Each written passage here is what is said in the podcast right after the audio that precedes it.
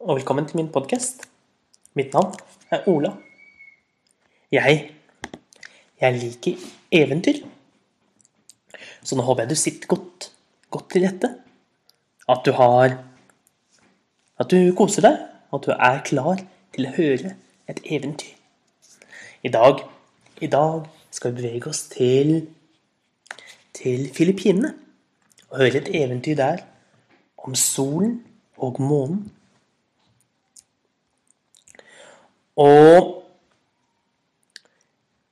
en gang, en gang, for lenge, lenge siden, lenge før stjernene, da, da var månen og solen gift med hverandre.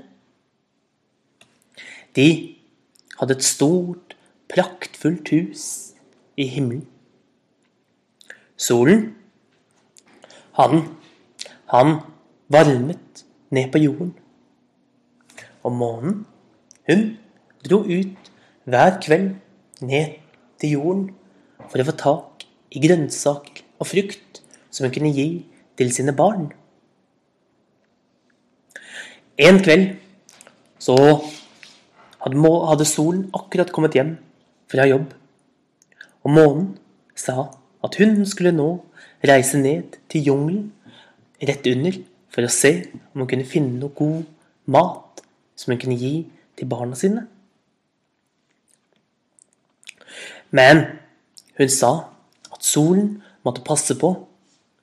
Hun At han måtte ikke gå for nærme de sovende barna. For han måtte ikke glemme at han var så sterk og så varm at han kom til å smelte alle sammen.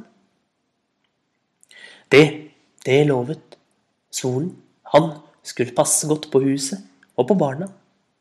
Og månen tok med seg tingene sine og reiste av gårde, ut av huset, ned til jorden, ned til jungelen, for å få tak i grønnsaker og frukt. Solen, han startet med å gå fram og tilbake rundt huset. Så passet han på alle vinduene og alle dørene. Til slutt så gikk han inn i huset, gikk fram og tilbake der. Men han ble stadig mer og mer nysgjerrig. Han hadde så lyst til å gå inn og se på de sovende barna. Så han gikk nærmere. Så åpnet han døren og tittet inn. Og der lå de, mange, mange tusen små barn. De lå og sov. Og solen, han så på dem, og så tenkte han det kunne ikke skade å gå litt nærmere. Han ville så gjerne se på sine barn. Litt mer, litt nærmere. Men han glemte ikke månens advarsel. Så når han hadde stått der en liten stund, så gikk han ut igjen rundt huset nok en gang. Men tiden gikk, og månen ikke kom tilbake igjen. Så snart så kjente solen nok en gang at han ble mer og mer nysgjerrig. Han hadde lyst til å gå litt nærmere, bare se på dem litt mer. Kanskje, kanskje bare lene seg så vidt over sengen og høre at de pustet. Så han gjorde så, gikk nærmere tittet over kanten på sengen.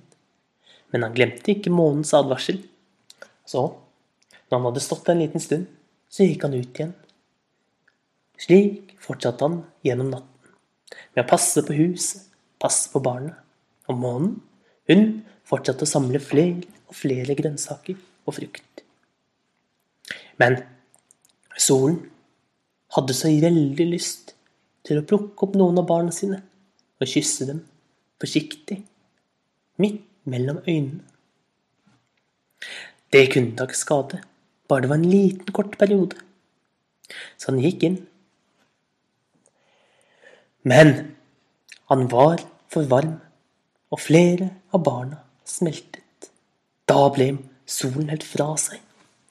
Han visste ikke hva han skulle gjøre, og han visste at månen, konen, kom til å bli så sint når hun kom tilbake.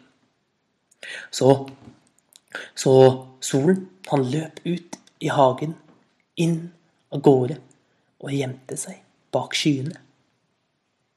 Men det tok ikke lang tid før månen kom tilbake igjen og fant det tomme skyhuset. Og hun fant snart ut hva som hadde skjedd. Hun ble rasende. Og Og eh, noen dager senere kom solen tilbake. Og månen og solen begynte å slåss og krangle forferdelig. De ropte ting til hverandre. Månen var så illsint. Og solen forsvarte seg selv og ropte tilbake igjen. De ble stadig mer og mer høylytte. Til slutt tok solen og plukket opp grønnsakene som lå i kurven til månen, og kastet alle grønnsakene rett i ansiktet på månen. Da fikk månen nok, og hun forlot solen for alltid. Og det er derfor Det er derfor, når det er full Når det er natt, og du kan se opp på månen, så ser du ennå at den At månen bærer ennå noen av merkene etter at solen kastet grønnsakene rett i ansiktet på henne. Og barna, barna som ble borte, de kan du se på nattehimmelen. For alle barna som smeltet, de ble stjerner som ble spredd utover hele nattehimmelen. Og har du ikke noen gang lagt merke til at solen og månen aldri er på samme tid? I alle fall ikke lang tid. For solen prøver hele tiden å be om unnskyldning og jager etter månen. Men månen vil ikke ha noe med solen å gjøre. Og det, det var dagens eventyr om sol og månen. Et eventyr fra Filippinene. Ha en riktig god dag, så ses vi igjen en annen dag.